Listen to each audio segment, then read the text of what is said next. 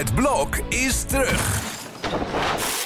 Vier koppels, vier bouwvallen, vier verbouwingen en dus een hele hoop stress. Het blok, iedere werkdag om half negen bij net vijf. Dit is Strik Privé, de dagelijkse showbiz-update met Evert Zandgoeds en Jordi Versteegde. Ik ga zo lekker spelen op mijn fluit. Ga straks een stukje spelen op mijn fluit. Ik kan er niet tegen. Hoe vind je hem? Eenmalig vind ik hem uh, geweldig. Ik wist dat er iets zou komen. We hadden het gisteren over die flutfluit. En ik denk, die gaat de tune aanpassen. Ja hoor. Oh, oh, de hele oh. nacht aan het doorgewerkt. Ja.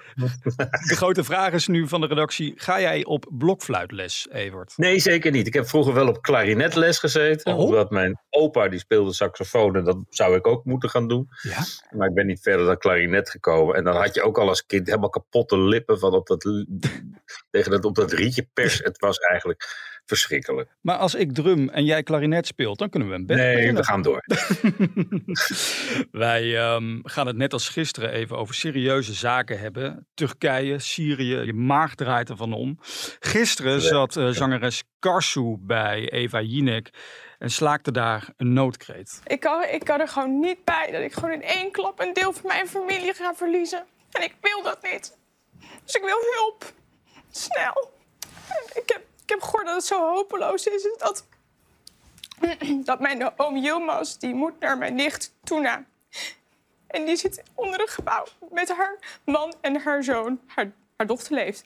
En mijn oom, die, ze waren aan het wachten op een bulldozer en die kwam er niet. Dus mijn oom is maar zelf gaan graven met zijn handen. Ja, de, de ramp is niet te overzien, is een uitdrukking. Maar dat is hier toch echt het geval. Het gebied twee keer zo groot als Nederland. Mhm. En uh, het is mooi dat er zo snel hulp op gang komt. Maar wat begin je als elk land 800 stuurt? Dat schiet niet heel erg op. En veel meer kun je ook niet doen, want ja, er is niet meer. En het is een zaak dat er zo snel mogelijk nog gekeken wordt wie er onder dat puin ligt en wie er te redden is.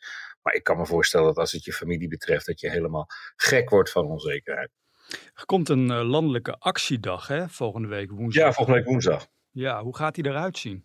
Nou, zoals we dat vorig jaar gezien hebben voor Oekraïne, dat bracht toen meer dan 100 miljoen op. Daar zijn we wel goed in op zich. Hè? We zijn uh, gulle gevers als de nood aan de man is. En dan uh, gaat iedere uh, omroep van NPO tot RTL en SBS gaat zijn beste mensen sturen om daar een mooie avond van te maken, die op al die zenders wordt uitgezonden. Ja, nou ja, het showbiz nieuws gaat ondertussen ook door. Ja, we zeiden het gisteren al, hè, dat is het leven. Hè? Zo is het nou eenmaal. En vandaag ligt ook weer een nieuwe privé in de winkel. Met André van Duin op uh, de cover, uiteraard over dat chantageverhaal. En hij zat gisteren ook bij Jinek. Ja, en uh, redelijk uh, opgewekt, vind ja. ik. En ook als ik contact met hem heb, dan klinkt hij vol vertrouwen dat deze zaak uh, niet een al te lange kwestie gaat worden. En hij hoopt er binnenkort meer over te kunnen vertellen. Mm -hmm. En ja, verder zegt hij er niks over. De zaak ligt bij het OM, kan er niks over zeggen, maar het is verschrikkelijk. En het grijpt hem wel aan, dat is duidelijk. En ja, als je dit nooit eerder in je leven hebt meegemaakt, zo'n schandaal, dan kan ik me voorstellen dat je met je handen in je, in je haar zit. Omdat, ja, dat, dat is gewoon een nieuwe wereld. Hij heeft nooit te maken gehad met justitie in het Openbaar Ministerie en advocaten. Ja, om leuke contracten te tekenen, maar verder niks. Ja, het is ook zo mooi om te merken dat hij zo strijdlustig is. En dat ik gisteren wel een André zag zitten die je normaal ook ziet. Iemand die het allemaal weer relativeert en doorgaat. Dat, dat ja, volgende week is hij jarig en dat feest gaat ook Kijk. gewoon door. Dus ja, uh, uh, ja het is, uh, dat is ook wel André, denk ik. Heel nuchter en rond, wel. en, maar ja, het is natuurlijk een heel vervelende zaak. Om, ja. Dat er altijd mensen zullen zijn die denken van waar rook is, is vuur. En er zijn altijd mensen die zeggen ja, stille wateren. Mm -hmm. Nou ja, ik kan me er niks bij voorstellen. En ik ken hem redelijk goed, zoals je weet. Ook een uh, vrolijke reportage in de privé van de Oranjes, die nou, volgens mij al anderhalf jaar zo'n beetje voor mijn gevoel op de Cariben zitten. Hoe lang gaan ze, hoe lang gaan ze naar naartoe, joh? Jeetje. Het einde is in zicht. Ja. En uh, morgenavond, heel goed getimed ook weer door die RVD, ja. dan is dat uh, gesprek met de pers, ja. zodat we daar vrijdag alles over gaan horen. Ja, dit, nou goed. En uh, ja, dat zal onder andere gaan over uh, ja, de, de bedreiging richting Amalia, denk ik. Ja. Natuurlijk ook wel hoe ze die reis op de op Tillen hebben ervaren. Maar ja, dat zijn van die, van die verplichte vragen en uh, verplichte antwoorden. En het was allemaal indrukwekkend en er is een wereld voor ze opengegaan. Je kunt het eigenlijk al alvast wel bedenken. Maar ja, dan zit het erop. En dan blijven ze ongetwijfeld nog een paar dagen in die omgeving hangen. Voordat ze terugvliegen naar Nederland. Denk je niet dat Amalia er onderhand klaar mee is? Ik bedoel, als een normaal meisje van 19 wil je toch op een gegeven moment ook lekker met je vriendinnen en zo afspreken. Ja, maar het is geen normaal meisje van 19. Dat moeten we ook eens over ophouden. Oh. Dat mensen, het meisje wordt op het schild gehesen en is kroonprinses van Nederland. Mhm. Dus ja, daar heeft ze voorlopig ja tegen gezegd dat ze dat gaat doen. Ja. Eh, ze is nog niet in Montecito gaan wonen. Dus eh, ja, dat, dat hoort dat erbij. Ja. En eh, zoveel heeft ze nog niet hoeven doen in haar leven tot nu toe.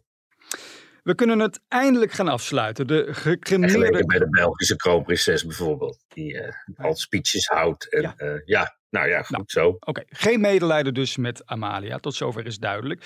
Nou ja, ik zei het al, we kunnen het eindelijk gaan afsluiten. De gecremeerde krokettenzaak tussen Rachel en Yvonne Koldewijer... die is tot een apotheose gekomen. Nou ja, ze zijn er zelf ook klaar mee. En dat is goed nieuws in deze barre tijden.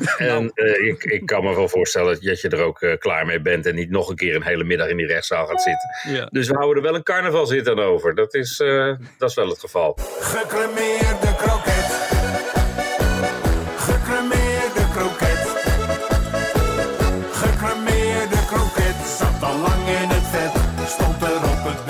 Ja, la, la, la, la, la. Ja, ik moet zeggen, Evert, het is nog maar een, eh, een week tot carnaval. Ik begin er nu toch Ja. zin in te krijgen. Ja. Ja, er zijn niet echt carnavalshits dit jaar, hè? Nou ja, we, hebben, we hebben gisteren de blokfluit ook al gehad natuurlijk. Daar is ook al een carnavalshit van. Wel, welke vind je leuker? De gecremeerde kroket of de blokfluit? Nou, met die kroket ben ik wel klaar. Dus eh, dan wordt het... dat het mijn mond, toch die blokfluit. Of de klarinet. Nou goed, we gaan naar, eh, naar Gordon. Want ja, een week in de showbiz is er geen zonder dat Gordon natuurlijk geklaagd heeft. Gisteren weer op Instagram. Hij haalde naar alles en iedereen weer uit. Hè? Waar is die man Man, man, bezig? man, man.